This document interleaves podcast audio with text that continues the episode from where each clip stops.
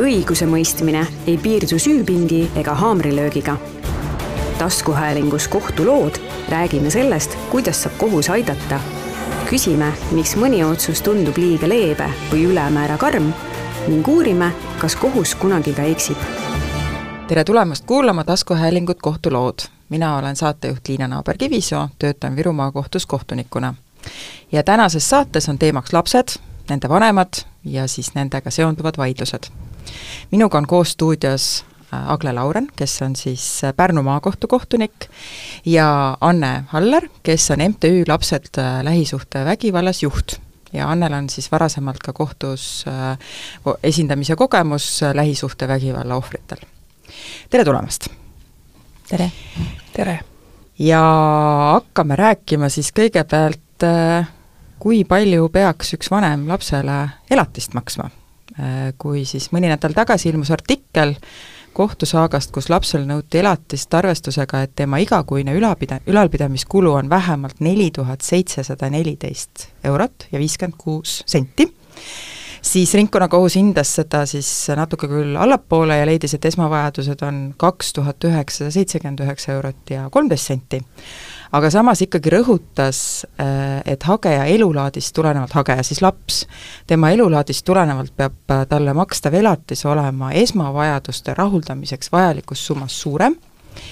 siis ma arvan, et see tekitas väga paljudes küsimusi, et oot-oot-oot, et kui palju siis ikkagi täpselt ühele lapsele peaks raha kuluma ja kui palju siis on ikkagi vanemal õigus äh, elatist nõuda.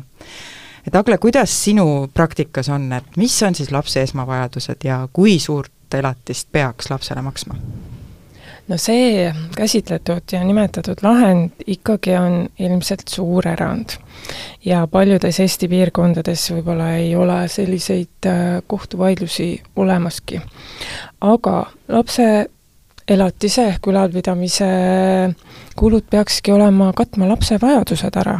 ja tema siis äh, elustandardi, mis tuleneb tegelikult tema vanemate varalisest võimekusest. kui vanematel on varem olnud pakkuda lapsele sellist elustiili, siis äh, seadus ütleb, et me ei tohikski tegelikult ta allapoole laskuda sellest tema tavalisest elustandardist ja talle võibki põhjendatud olla tema vajaduste katmiseks selline summa.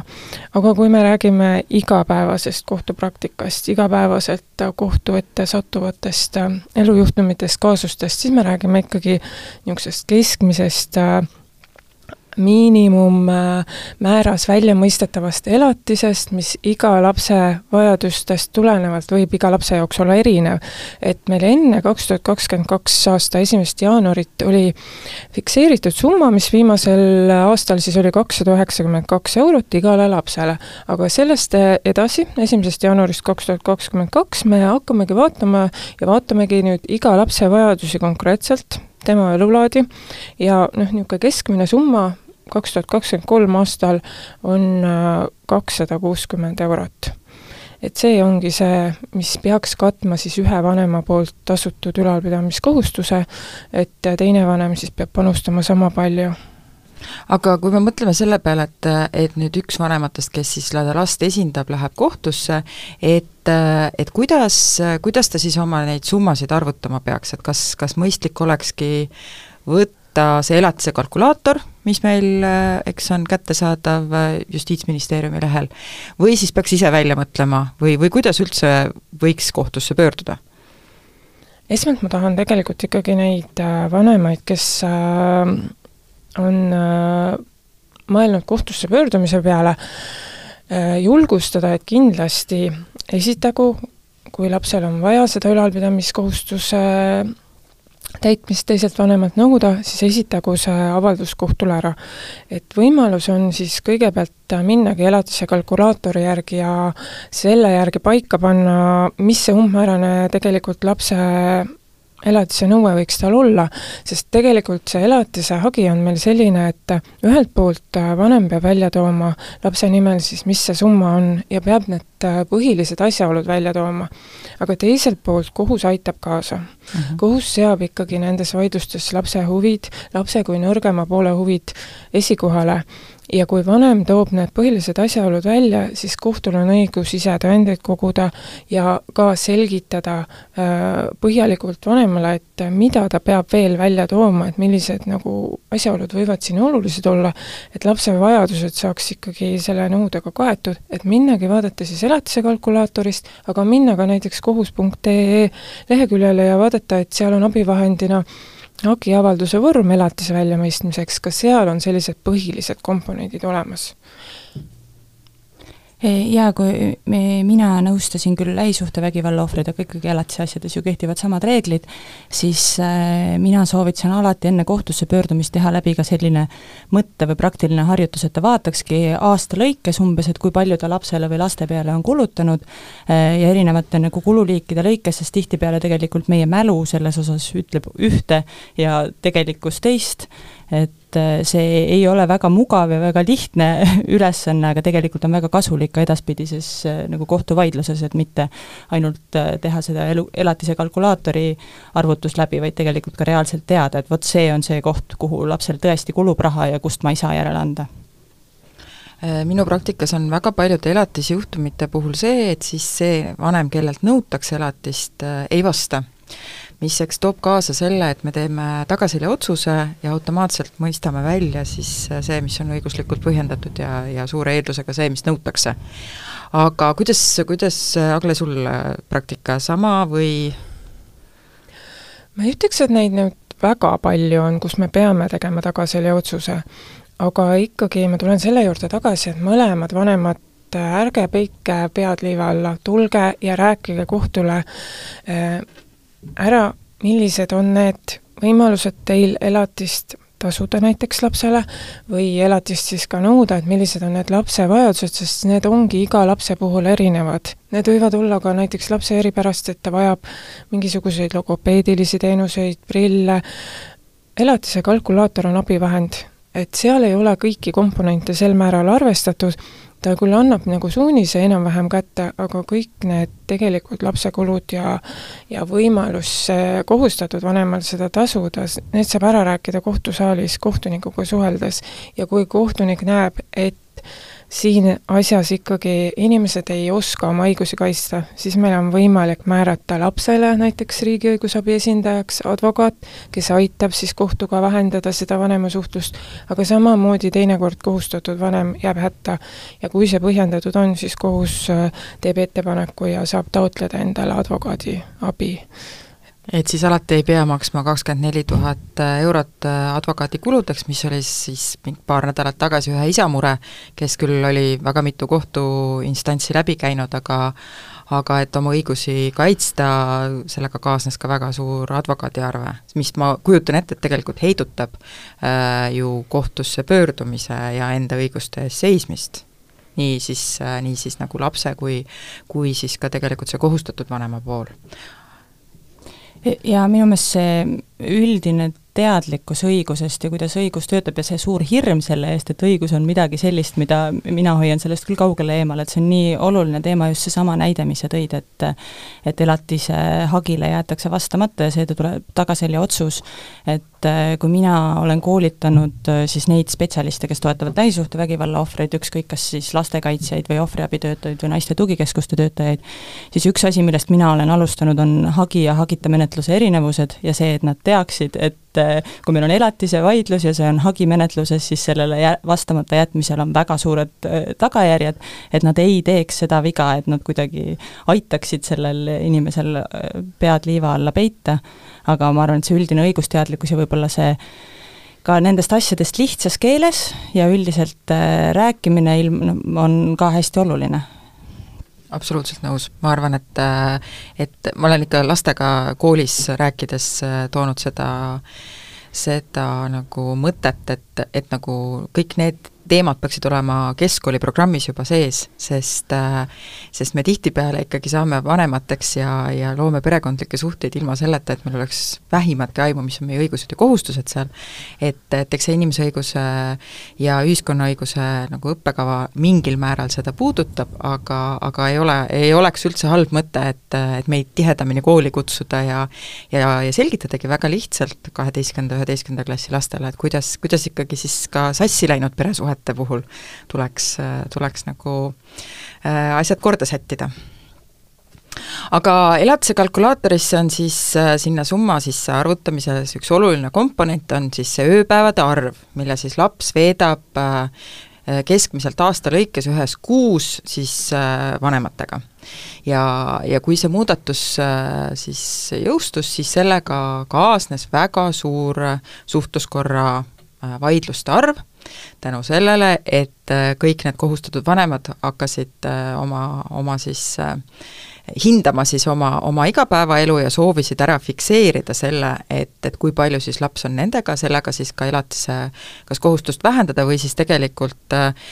tekitada seda reaalsuspilti, et, et nad tasuvadki Äh, laste kulude eest, aga, aga seda siis noh, niiviisi igapäevasel viisil, ilma, ilma, ilma võib-olla nagu kohustatus, kohustusega siis kohtu poolt. et äh, nüüd äh, suhtluskorra vaidlused äh, on meil juba aasta aega äh, lahendatavad ka perelepituse korras, et Agle, kuidas sul kogemused perelepitusega on? Perelepitusega on sellised kogemused, et tegelikult ikkagi äh, kui vanemad ei ole seal suhtluskorra vaidluses äh, ära käinud ja mingit mõjuvat põhjust selleks ei ole, siis äh, me saame ilusasti vanemad sinna suunata. Ja üsna paljudel juhtudel jõutaksegi seal kokkuleppele, sest seal on välja õppinud spetsialistid, kes tegelikult oskavad inimeste murekohti peegeldada ja see on ju kohtus ka meie tegelikult kohustus inimese mure ära lahendada, perekonnas tekkinud sellised õiguslikud mured siis äh, panna kuidagi kohtulahendisse, aga nüüdsest meil on siis olemas äh, tegelikult hoopis parem võib-olla võimalus äh, peresid äh, suunata sel teel edasi oma eluga minema, kui nende äh, suhted on katkenud, aga laste kasvatamisel tuleb edasi osaleda. ma tahaksin tegelikult ka öelda, et äh, mul on juba noh, sel suvel tuli see võimalus, aga võimalus olnud ka suhel äh,, saata elatise vaidluses äh, perekonna siis perelepitusse. et ma ei tea, mis see tulemus veel on, aga et see on ka nüüd uus võimalus, mis sellest aastast, et saata siis perekonnad rahaküsimustes seal läbi rääkima, et mis see lapse vajadused on ja ja millised võimalused neid katta on ja kui palju laps siis äh, tegelikult siis ka tõesti viibib ühe vanemaga, viibib teise vanemaga, millised, millised siis edasised plaanid äh, pere seab sel viisil? Äh, ka mina ka olen väga positiivselt meelestatud selle perelepituse osas, sest ma olen ikka alati öelnud, et õigusega on nendes küsimustes ikka väga vähe pistmist, et see on puhas psühholoogia. Ja, ja mulle tundub, et inimesed ise saavad äh, siis lepitaja abil palju paremat kokkulepet sõlmida kui see, kui mina ütlen äh,, kuidas lapsega suhtlema peab, sest, sest ausalt, ma olen, kui ma alustasin selle töö tegemist, siis mulle tundus see, et, et ma kuulan ära ühe poole ja arvan, et noh, tal on ka päris head mõtted, kuulan ära teise poole, no veel paremad mõtted, kuulan ära lapse, no kellel on üldse täiesti võib-olla erinev lähenemine sellele kõigele ja, ja siis tekibki see, et aga ükskõik, millise otsuse ma teen, kellelegi see ju ei sobi. sest, sest kohtumenetluses me küll lepitame ja üritame kokkuleppele jõuda, aga kui seda ei tule, siis eks see, eks see nagu noh, nii-öelda otsus tuleb ikkagi ühel hetkel teha. aga samas meil ei ole neid äh, vahendeid, et et kuidas inimesi siis, kuidas, kuidas neid võib-olla rohkem kokkuleppele viia, sest ega meid ikkagi treenitakse kui õigusspetsialiste, mitte kui, kui siis äh, psühholooge. aga, aga lepitusega seotult äh, siis on teatud kaasused, kus me ei äh, saada neid lepitusse, mis on siis vägivallajuhtumitega seonduvad ja, ja ma tean seda, et, et nüüd praktikas on tekkinud muresid sellega, et, et kohtud natuke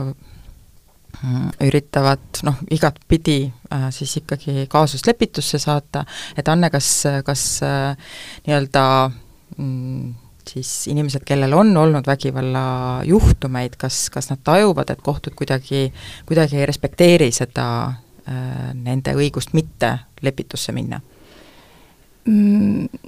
minu kogemus sellega on see, et isegi äh, küsimus ei ole võib-olla selles, et nad tajuksid, et kohus ei respekteeri, vaid pigem, kui me räägime nüüd, ma räägin eeskätt lähisuhtevägivalla ohvrite vaatest, et eh, kohus on eh, nii suur autoriteet et isegi kui kohus lihtsalt ütleb, et äh, kas te olete mõelnud lepitusele, siis see ohver kuuleb, te peate minema lepitusse. Et äh, seal on juba selline nüansivahe, on kindlasti, tegelikult ma olen ka ise kogenud küll varem, kui see lepitus ei olnud äh, selline kohustuslik variant, e, et kus, kus ma olen ka tajunud, et kohus minu hinnangul võib-olla natuke liiga surub äh, sinna lepitusse ja see, et vägivallajuhtumid sellisesse tavapärasesse lepitusse ei sobi, selle äh, see on küll äh, minu seisukoht just sellepärast, et äh, kui me räägime akuutsetest ehk siis nagu käimasolevast vägivallast, eriti kui me räägime sellisest äh, võimu ja kontrolli soovist seal vägivallas, siis ei ole võrdsete osapoolte suhe, mis, ja kuna lepituse üks kõige olulisemaid eeldusi on see, et see peab olema võrdsete poolte vaheline läbirääkimine, see peab olema vabatahtlik, siis lihtsalt juba seal on sellised käärid vahel, et see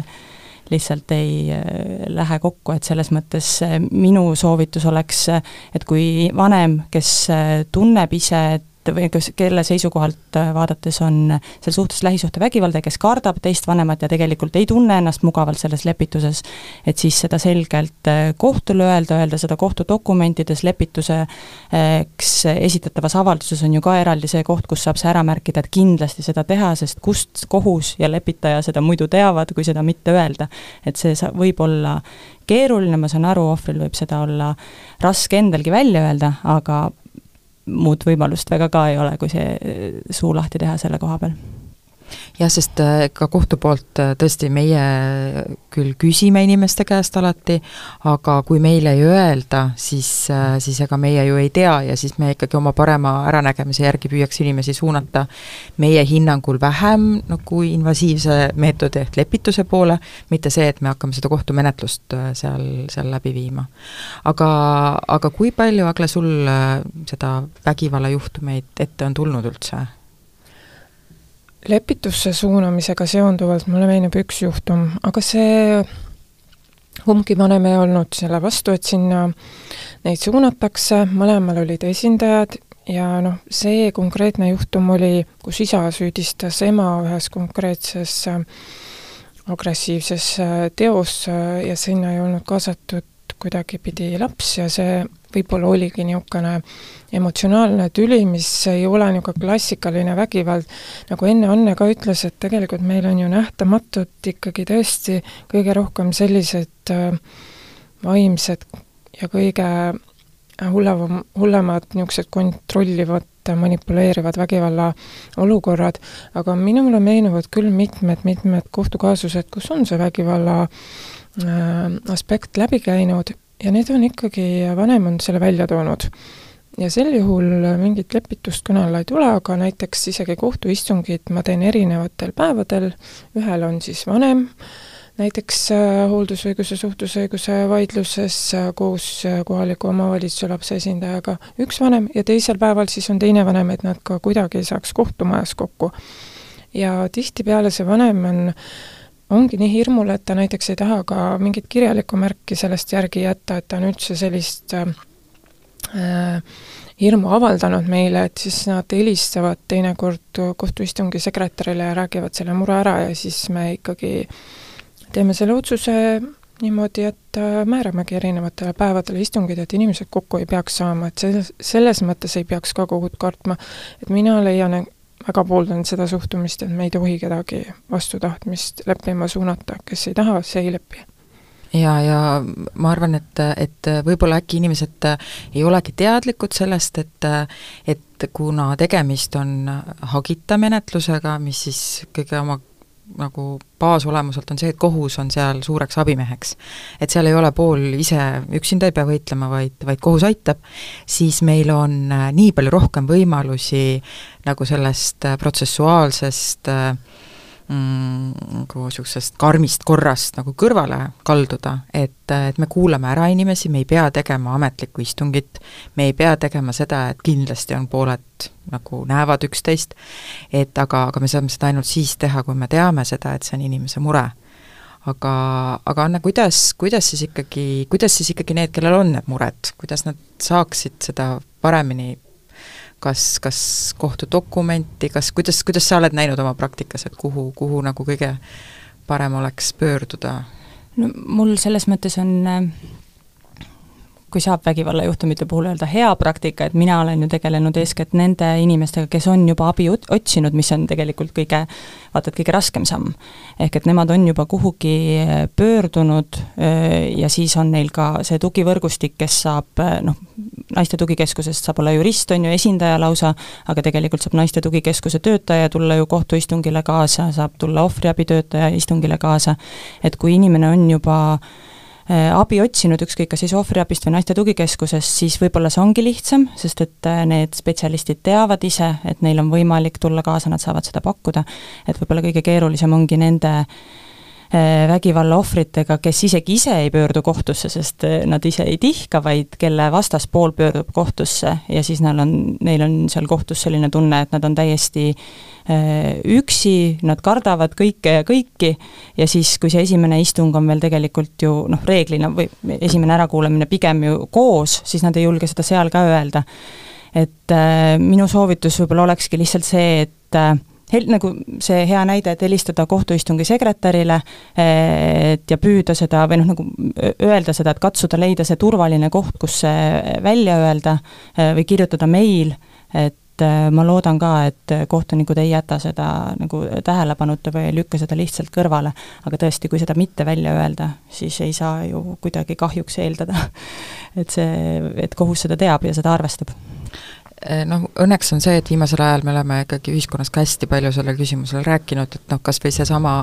et Statistikaamet on teinud äh, või Statistikaameti eestvedamisel on siis tehtud see suhteuuring ja, ja minu, minu jaoks vähemalt olid need tulemused ikkagi väga šokeerivad, et et nelikümmend üks protsenti naistest ja kolmkümmend kolm protsenti meestest on,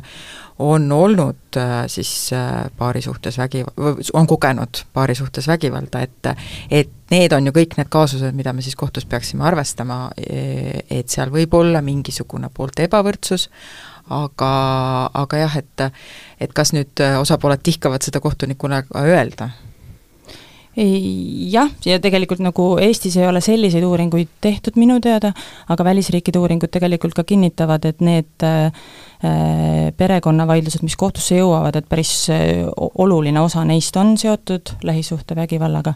et see uuring jah, et mida see ühest küljest äh, no, ehmatavad tulemused, aga teisest küljest tegelikult äh, noh, peegeldavad meie seda reaalsust, et meie tegelikult tõenäoliselt ühiskonnana olemegi keskmiselt äh, vägivaldsemad, arvestades selles mõttes, et kust me tuleme, millisest minevikust me tuleme, et me võib-olla ei oskagi lahendada mingisuguseid äh, küsimusi äh, rahumeelselt või me ei näe neid võimalusi, et mina siiamaani imestan, et kuidas mulle koolis ei õpetatud mingeid asju, mida ma praegu ise oma elus nagu kogemustest või raamatutest õpin. Ja minu jaoks teisalt see uuring ka, noh, seda on ju ka selle uuringu kommunikeerimisel öeldud, et väga suured käärid on vanemaealiste ja nooremaealiste tajus vägivalla osas. Ja minu jaoks peegeldub sealt ikkagi ka see, et me, ma arvan, et meil ei ole ka ühiskonnana olnud seda debatti, et mis asi siis on vägivald. et füüsiline vägivald on lihtne, aga mis on vaimne vägivald? et äh, tegelikult võib-olla see uuring on niisugune hea koht, kus seda debatti alustada ühiskonnas, sest et see nii väga mõjutab ju täpselt neid samu perekonnavaidlusi, et mida me siis arvestame vägivallana seal. just, ja võttes arvesse, et teistes no riikides ikkagi see debatt on, on noh, kas nüüd juba nii-öelda selgust toonud või vähemalt on selle debatiga pihta hakatud, näiteks see aspekt, et laps vägivalla ohvrina äh, et äh, kas see, kas see vägivald peab olema lapse vastu suunatud või tegelikult see, et ta näeb koduvägivalda, teeb tast juba ohvri, ma arvan, et sellest meie ju ikkagi väga palju ühiskonnas ei räägi. Et, et me nagu rohkem vaatame seda, et, et kas, kas keegi last nagu talle füüsiliselt haiget teeb, aga seda kõike, mida ta peab nagu kogema selles keskkonnas elades, kuidas me seda hindame, et, et ma pean küll tunnistama, et minul on see äh, kohtuasjades olnud, olnud väga raske, et, et nagu seda piiri seal tajuda, et kust, kus see, kus see ikkagi see vägivald lapse suhtes äh, siis on. ja mis ma siis tegema pean, mis ma teen selle selle vanemaga või nende mõlema vanemaga, kes tegelikult ju lapse suhtes on vägivaldsed. Et noh, vahel, vahel on nagu see tunne, et võtaks nüüd, teeks pausi ja ja, ja, ja lihtsalt püüaks nagu olukorda lahendada nii, et kõik, kõik on kuidagi natuke eraldi, et, et ei tahaks nagu ühe ega teise juurde seda last jätta, aga samas noh, selge on see, et laps tahab olla oma vanematega koos ja ma haaran siin ka sõnasabast kinni, et isegi mitte ainult, et kas see laps on seda vägivalda näinud, vaid tegelikult just nimelt, et kas ta on seal vägivaldses keskkonnas kasvanud, isegi kui ta ei ole seda kordagi näinud, siis äh, seda noh, ka teadusuuringud kinnitavad seda, et lapsele see mõju on, lapsele on see mõju ka, viimased teadusuuringud kinnitavad ka, et kui ta, kui ema last ootab. et äh, ja selles mõttes jah, seal ei ole isegi niivõrd arvamuse koht minu jaoks, et äh, see on teaduses tehtud äh, väga selgeks, et vägivald, äh, nagu sellises keskkonnas kasvamine, kus üks vägi, vanem on teise vastu vägivaldne, on lapsele kahjulik, sõltumata sellest, kui ta, kas see laps ise on selle vägivalla otseseks adressaadiks või mitte. aga nüüd siis, kui siis tuleb välja ikkagi, et lapsed või siis need vanemad äh, ei lepi ära äh, seal lepituses, siis, siis nad tulevad ikkagi meile kohtusse tagasi, sest äh, eks see lõpliku otsuse tegija on siis kohus, kui, kui pooled kokkuleppele ei jõua. milline siis on see hea suhtluskord, Agle, et kuidas, kuidas sul praktika on, hea suhtluskord on iga perekonna osas individuaalne, mina arvan. et see ongi väga tähtis välja selgitada konkreetse perekonna siis ka suhtluskorra vajadused ja selleks siis näiteks kuulata kindlasti ära lapse tahe, vanemad tuleb ära kuulata, lastekaitse kindlasti annab informatsiooni. ja lisaks sellele vägivalla teemale ma tahaksin veel eelneva teema lõpuks öelda, et äh, minul on olnud neid kaasuseid ka, kus lastekaitse kaudu tuleb äh, vanema hirm välja, et vanemaid julgustada ka lastekaitsele avaldama siis, kui on kodus mingid sellised mured, mida kohtule ei julge avaldada. aga jah, et äh, tulles nüüd tagasi suhtluskorra juurde, et see võib olla jagatud vanemlus, mis ei pea olema päris viiskümmend, viiskümmend, see võib olla ka näiteks kolmkümmend ja seitsekümmend, et äh, mõlemad vanemad on lapsel olemas, see sõltub väga paljudest erinevatest asjaoludest, teinekord on selline nädalavahetustel suhtlemine selle lapse jaoks kõige parem, et kuidas see konkreetne pere siis ikkagi jah, lepib selle olukorraga, mida laps tahab ja kui kaugel nad elavad, kõik sellised äh, asjaolud on määravad et loomulikult tuleb arvestada, kuidas vaimne võimekus on kummalgi vanemal ja majanduslik võimekus, kõik sellised olukorrad, et aga lapse tahte juures ja lapse ärakuulamise juures ma tahan ja ma rõhutan seda ka alati äh, nii kohtus äh, peredele kui äh, lapsele rääkides, et lapse tahe on siis üks aspekt asjas. et see ei pruugi teinekord tema parimate huvidega kattuda aga kindlasti tuleb lapsele selgitada seda olukorda ja küsida talt rahulikult, mida tema asjast arvab, kui ta vähegi on valmis oma ja võimeline oma vanusest tulenevalt oma arvamust avaldama. et see suhtluskord on jah, see, selle, selle peale ei saa mingit kalkulaatorit kasutada, et mis mulle sobib, et et see sobib kõigile, et igaühel ongi personaalselt see paika vaja panna siis, kui ära ei lepita sest vahepeal vist oli küll see, et äh, vähemalt äh, ringles see, see nagu arusaam, et viiskümmend, viiskümmend on alati see, mis, mis kohtud määravad, mina pean ütlema, et ma vist ei mäleta ühtegi sellist juhtumit, kus ma oleks määranud viiskümmend, viiskümmend, sest ikkagi viiskümmend, viiskümmend tähendab seda, et vanemad on väga ühel meelel kõige osas. absoluutselt. et, nad teavad seda, et lapse režiim on selline, lapse siis äh, elukohad äh, nagu võimaldavad ka seda, sest, sest noh, laps ei pea rändama, on ju, ühest, ühest linna otsast teise selleks, et käia oma treeningutel ja koolis, aga, aga kuidagi vist selle, ka selle elatise kalkulaatori e, ja selle siis suhtluskorra või no siis lapse viibimise arvestamise juures tekkis küll see arusaam, et et nii, jagame siis selle lapse pooleks ja, ja, ja noh, lapse huvid jäid nagu täitsa kuidagi, kuidagi nagu tagaplaanile. aga kas see, linnupesa meetod või linnupesa hooldus vist on ta see termin, see siis tähendab seda, et laps elab oma korteris ja vanemad siis elavad kuskil mujal, vaheldumisi siis ka lapsega, et kas, kas sul ka praktikas seda on ette tulnud? Mul ei ole seda kohtupraktikas ette tulnud ja üldse selle vahelduva vanemluse ja jagatud vanemluse juures ma tahakski öelda, ma arvan, et neid peresid on tegelikult üsna palju, aga need ei jõua kohtusse, sest see peabki olema selline kaasus, kus juhtum, kus tegelikult inimesed saavad väga hästi läbi äh, ja teevad koostööd oma laps, lapse või laste nimel aga see linnupesa võib-olla on samamoodi tegelikult, et need ei jõua kohtusse, aga mina olen küll, kui vanemate vahel tuliseks läheb vaidlus äh, kohtuistungi saalis. Ja just sel teemal, et äh, aga et kui palju minuga, kui palju sinuga, et las laps läheb sinna-tänna ma olen teinekord öelnud neile, aga kuulge, mis te arvate, kui te võtaksite nüüd ja paneksite uuesti rahad kokku ja võtaksite mingi eluaseme ja käiksite seal niimoodi, aga ma ei saa, mul on ju uus elu, kuidas ma niimoodi saan? ma ütlen, aga pange siis ennast lapse olukorda, kuidas tema peab nende kohvrite otsas samamoodi teie küll tüli kõrval veel elama et teil on nagu iga see üleandmisega probleem, kus lapsel on üleandmine ja need üleandmise probleemid on teinekord väga kurvad kõrvalt vaadata, pisike laps läheb siis parkimisplatsile, tuleb üks auto, teine auto ja siis ütleb vanem teise kuuldes, laps ka seal vahel, et aga nüüd ma võtaks lapsel need riided ära, et kas sul on teised riided kaasas ja see on üks hiljutine näide, mis mul oli. et vot selles mõttes, et siis tahaks küll nagu öelda, et äh, kuulge, pange ennast lapse olukorda, et mida tema peab praegu tundma, et see linnupesa on ka tegelikult, ma arvan, laps, last kõige rohkem soosiv võib-olla isegi, aga rahaliselt kindlasti kõige kulukam ka perekonnale ja nõuab väga suurt sellist äh, panustamist mõlema poolt, et nad tahavad seda teha, aga ma olen lugenud tõesti, et see toimib mõnel mm. juhul. ma, meil on eks vist üks doktoritöö pooleli sellel teemal, et ma, ma täna küll üritasin leida, et kas äh,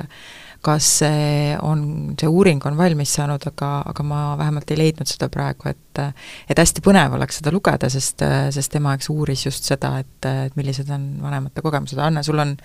mingisuguseid kogemusi selle No selles mõttes äh, mõnevõrra arusaadavalt ei ole, sest et äh, jah, nagu te mõlemad ütlesite, et tegelikult see selline viiskümmend, viiskümmend või sellised äh, kõik need variandid, et need, nende eeldus on see, et vanemad omavahel saavad hästi läbi, mis ühtlasi tähendab tegelikult ju seda, et kohtulahendites see ei peakski olema variant, sest et kui nad saavad hästi läbi, siis nad ju kohtusse ei jõua sellega. et selles osas jah, mul mul nagu head lahendust ei ole, küll ma võib-olla mõtlesin teid kuulates, et et nende vägivaldsete suhete puhul on ka üks selliseid minu kogemuse järgi, ainult nagu see on minu enda kogemuse järgi, võib-olla müüt on see, et need eeskätt just emad, kes siis ütlevad, kes on vägivalla ohvrid, et nad tahavad justkui isasid tõrjuda sealt lapse elust eemale, et minu kogemus neid ohvreid aidates ütleb küll pigem seda, et et äh, reeglina nad ei taha seda, reeglina nad, isegi on olnud kordi pigem, kus mina olen pidanud neid natuke tagasi hoidma ja ütlema, et kuule, et oota, aga see, mida sa just kirjeldasid, et kas selle, seda arvestades on ikka nii hea variant, et see laps seal nii palju on, et kas sa tõesti tahad seda, aga ma, mul praegu ei noh, kui, kui ei ole just tegemist äh, lapse enda väärkohtlemisega, siis mul ei tule küll ühtegi juhtumit meelde, mida ma oleks nõustunud ja kus ema oleks öelnud, et tema ei taha et äh, lapse isa la-, noh, kuidagi lapse elus figureeriks, et see on ka niisugune jah. ja see, kindlasti minu see arvamus ei baseeru mingisugusel uuringul, aga mul vahel tundub see, et see ongi see võimumäng. et, et ikkagi see ema kasutab, tihti on see ema, sellepärast et et lihtsalt nii on need olukorrad olnud, et ema kasutab seda, et ma ei näita last sulle, kui sa mulle elatist ei maksa, isa ütleb, et ma ei maksa sulle elatist senikaua, kui sa mulle last ei näita, et see, see, see, ma arvan, et siin ei ole mitte küsimus ainult selles, et et üks neist oleks nagu ohver, vaid nad ikkagi mõlemad kasutavad oma olukorda suhteliselt võrdselt ära ja manipuleerivad lihtsalt lapsega. et, et nähtavasti nendel juhtudel, kus kus on ema või isa on ohver, siis ta võib-olla pigem ongi vastutulelikum, et, et püüdes, püüdes nagu sellest olukorrast nagu välja tulla. ja siis, siis nagu noh, see manipulatsioon tuleb ikkagi sealt teiselt poolt, aga aga selles muidugi iga lugu on ise, et me ei saa, ma arvan, et üldse nendes äh, perekonna vaidlustes ja suhtluskordades on väga keeruline ütelda, et noh, et mis on õige vastus, õige vastus on see, mis on selle pere õige vastus. ja see ka selgub meil tihtipeale hoopis, hoopis hiljem. aga ma haaran kinni sellest äh, mõttest, et lapse ärakuulamine, et kuidas äh, meil on eks seadusest tulenev kohustus, me peame kuulama ära kõik lapsed, vastavalt nende arengutasemele, et äh, Agla, et kui vanu lapsi sa ära kuulad? ma ei ole ära kuulanud näiteks ühepäevast beebit. aga minul on käinud näiteks kabinetis küll kümnekuune laps koos vanemaga ja tegelikult see ongi see küsimus, mida võib-olla peaks ka inimestele teadvustama, et meil oli just hiljaaegu ka ühes kaasuses perega juttu, et vanem ütles, et äh, minul käis siin advokaat külas ja ta ei osanud üldse last ära kuulata. ja siis tuli natuke selgitada talle, et meie ikkagi olemegi juristid, aga meie eesmärk on lapse tahe välja selgitada isegi kui laps ei räägi näiteks jälgides, mis on tema eelistused, näiteks vanemaga su-, suheldes, see tuleb välja. et äh, seetõttu vastuseks sellele küsimusele mina kuulan ikkagi üsna pisikesed äh, liikuvad lapsed juba ära, aga see sõltub kindlasti konkreetsest kaasusest, et ma lähen sinna külla, ma vaatan, kuidas ta on ühe vanemaga, vestlen seal, vaatan, võib-olla mängin ka samal ajal lapsega ja räägin siis vanemaga juttu, kui laps ei räägi minuga, sest ta on veel nii pisike ja samamoodi ma käin teise vanema juures ja ma tajun ju tegelikult äh, last ühes ja teises kohas vaadates seda, et kas midagi on erinevat, kas laps kuidagi kehakeelega väljendab seda, aga see sõltub loomulikult sellest aja, aja nagu perioodist ka, kui palju sul aega on ja sellepärast äh, ma väga loodan, et kõik kohtunikud võtavad piisavalt aja, et lapse ära kuulata, aga kui on vanem laps, siis saab temaga juba täpselt vestelda ka sellest äh, konkreetsest kaasusest, tema ikkagi arengule vastavalt, selgitada talle,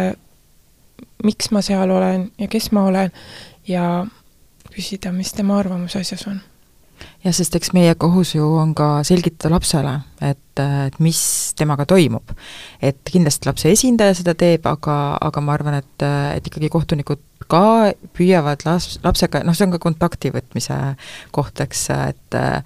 et võib-olla on lihtsam talle nagu arusaadavamaks teha, miks me siin kohtume, kui, kui nagu natuke nagu paari sõnaga rääkida. et miks, miks see, mis siin üldse toimub aga kuidas sul lastega kontakti saamine, et, et noh, mina olen ka tajunud seda, et vahel tuleb see nii-öelda ette salvestatud äh, see jutukene, et keegi nähtavasti on õpetanud mingisuguseid lauseid ütlema, et kuidas sul on sarnane kogemus? jaa, minul on ka, aga tegelikult äh, mina olen kasutanud siis sellist võtet, et me tegelikult läheme hoopis äh,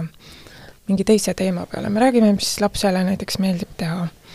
sellega on ka natuke niimoodi, et ta ju kohe ei pruugi avaneda, aga kui ma selle õige võib-olla nupukese leian, mis on näiteks tema huvialad, mis näiteks kas või kelleks ta tahab saada, me arutame selle üle, mis muusikat talle meeldib kuulata, mis on tema hobid, kas talle meeldib joonistada, sporti teha. ja siis me vestleme sel teemal ja kui me ikkagi siis äh, saame selle mingi kontakti omavahel, siis ma saan edasi küsida niimoodi rahulikult selle konkreetse meie äh, kokkusaamise eesmärgi äh, osas küsimusi ja ma ju näen ka tegelikult, kas siis tuleb jälle see mingisugune muutus lapse kas või hääletooni või vastustesse, et kas ta hakkab seda päheõpitud juttu rääkima. aga samas minul on ju võimalik talle ka selgitada, et et äh, kui sa tahad, ma ei räägi äh, kõike edasi, aga kui sa tahad mulle midagi avaldada, kui sa tahad, et ma vastupidi, räägiksin kellelegi midagi edasi, ja ma räägin talle ka seda, et äh, kus ma seda juttu kasutan, sest tegelikult lastel on tihtipeale hirm, et võib-olla keegi minu sõber saab teada, et ma olen siin nüüd kohtus ja minu pere on tülis, et siis ma saaksin ka seda hirmu maandada, et siis me ikkagi üldjuhul leiame kontakti, aga loomulikult see ei pruugi alati nii olla, et see mõni laps on väga kinnine ja seda on väga kurb vaadata, aga tihtipeale tuleb see juba varasemast võib-olla mingit toimikumaterjalist välja, kui raske lapsepõlv tal on olnud ja kui suured traumad tal on elus olnud, et see ongi see väljaõppe ka küsimus, et meil kohtunikena ei pruugi kõigil olla seda nagu taju ja väljaõpet, et kuidas siis lapsega see kontakt saada ja esi, võib-olla ühe korraga see ei olegi mitte kellelgi võimalik sellise traumeeritud tegelikult lapsepõlvega lapse puhul. ja mina tahtsin siia juurde, ma ei tea, julgustada või toetada, et me, me juristidena, mul on tunne või nagu minu kogemuse järgi, et me ka alati ei taju seda, kui keeruliselt me võime rääkida asjadest enda arvates mitte keeruliselt, aga kuidas see inimestele, kes ei ole juristid, on täiesti nagu hiina keel ja kui see kohtuasi seal on ju veel lisaks hirmud, emotsioonid, et inimesed ei julge küsida ja nad arvavad, et nad peavad aru saama kõigest, nad peavad kõike teadma, et ma ütleks kõigile juristidele ehk et kohtunikele, advokaatidele, kõigele, kõigile, et pigem hästi tähelepanelik ja kogu aeg endalt üle küsiv olla selles osas, et kas ma küsin piisavalt lihtsalt, eriti lapselt muidugi, aga vanematelt selles olukorras ka, ja pigem seletada nagu kõike üle ja otsast peale näiteks ka seesama äh, lapse vastuste ettevalmistamine äh,, Äh, seal e-, enamasti ilmselt mitte, aga mõnikord mingitel juhtudel võib seal võib-olla olla taga ka see, et vanem ei tea, ta arvab, et nagu kohus on tähtis koht, laps, ära nüüd mulle tee, ära tekita, valmista mulle piinlikkust, et ma pean talle midagi nagu rääkima, et nad lihtsalt ei tea ka võib-olla, et äh, see on minu meelest eriti perekonnaasjades nii oluline, lihtsalt seletada, seletada, seletada hästi lihtsas keeles ja küsida võib-olla ise juurde, et kas te saite aru, ma võin nagu seda uuesti seletada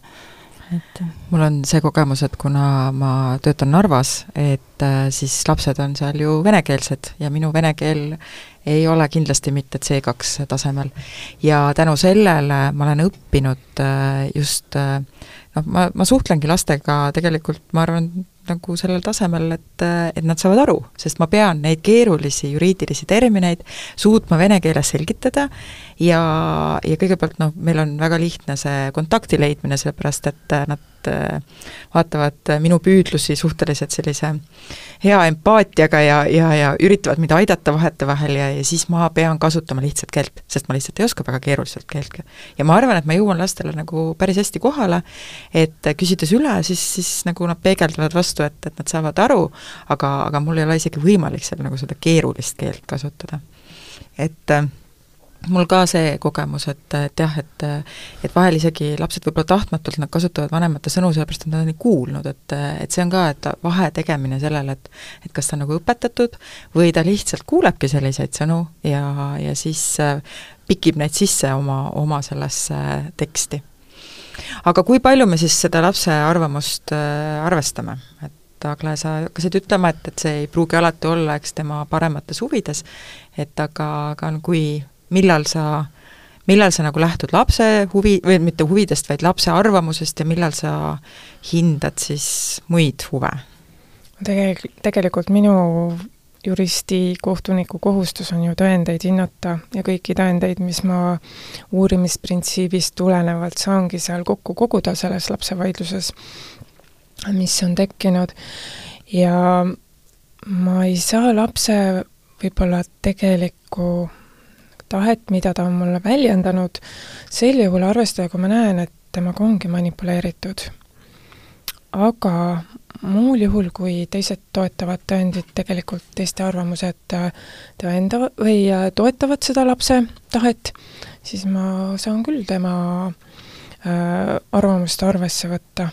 et äh, tegelikult hiljuti oligi üks näiteks äh, näide tuua, et et laps oli äh,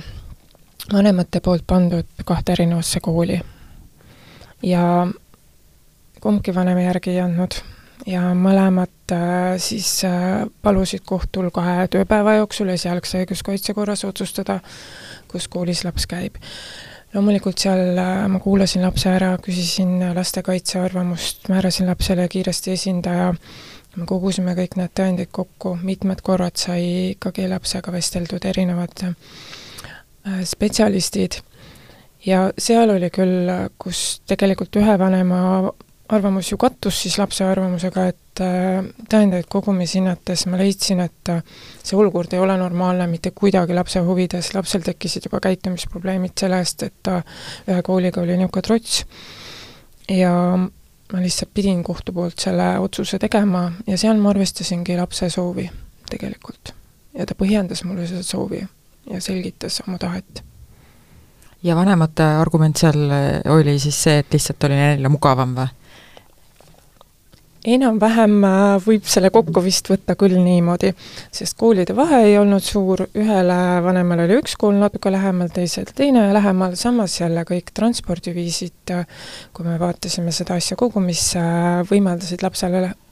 mõlemas koolis käia, mõlemas kodus käia, et jah, põhimõtteliselt see ongi see, kus vanemad unustavad ära, et laps on kõige tähtsam vot täpselt see oli see lause, mis tahtsin lisada, et minu meelest vanemad tihtipeale unustavad ära, et äh, mi-, mis see vaidlus üldse on. et vaidlus ei ole mitte nende, nende nagu elu, vaid vaidlus on tegelikult ju ühe lapse elu ja, ja vanemad võiksid ikkagi oma last ka natuke rohkem kuulata. aga meie aeg hakkab vaikselt otsa saama, et kas on mingid lõpetuseks veel mõned mõtted, mida tahaksite jagada? See mõte läheb nüüd hästi nagu kohtunike suunal, aga kui kui ma naiste tugikeskuses töötasin ja ka siis äh, nõustasin äh, sinna pöördunud naisi, siis üks asi, mis ma neile ütlesin, äh, nagu kui me ette valmistasime kohtusse pöördumiseks või kohtumenetluseks, et et mõe, et ta mõtleks ka sellele, et kui, et see kohtuniku positsioon või kus te olete, see on lihtsalt väga-väga ebamugav, et et paari kohtumise pinnalt otsustada äh, et kuidas sellele perele on kõige parem, kuidas sellele väiksele lapsele on edaspidises elus kõige parem. et see ei ole kadestamisväärt positsioon ja et lihtsalt, et kui vanemad võib-olla vaatavad ka selle pilguga kohtusse pöördudes, siis loodetavasti see hirm äkki on natuke väiksem ja neil on võimalik eh, paremini vaadata, et kohtunik on ka lõppkokkuvõttes inimene ja lihtsalt kõik tahavad teha loodetavasti ju kõige rohkem lapse huvides olevat lahendit, et kuidas ühiselt jõuda selleni, et seda teha. ja minu jätkaksin tegelikult Anne selle mõttega, et jah, kohtunik on inimene, ta seab lapse huvid kõige kõrgemale, aga et inimesed ikkagi äh, kes kohtunikuna töötavad, ma tahan ka öelda, et me tegelikult ju äh, võt-, peame võtma seda emotsionaalselt rasket lapsevaidlust inimlikult, aga me ei saa seda võtta isiklikult, sellepärast et see olukord, mis on tekkinud, et vanemad on pidanud kohtusse pöörduma, laps on sattunud kohtumenetlusse, see on ju tekkinud varasemalt. aga me anname endast kõik, et ikkagi laste huvid esikohale seada ja võimalikult parim lahendus siis lapsele leida seal asjas aga aitäh, Anne ja aitäh, Agle ja aitäh, kuulajad! nägemist! õigusemõistmine ei piirdu süüpingi ega haamrilöögiga. taskuhäälingus Kohtulood räägime sellest, kuidas saab kohus aidata. küsime, miks mõni otsus tundub liiga leebe või ülemäära karm ning uurime, kas kohus kunagi ka eksib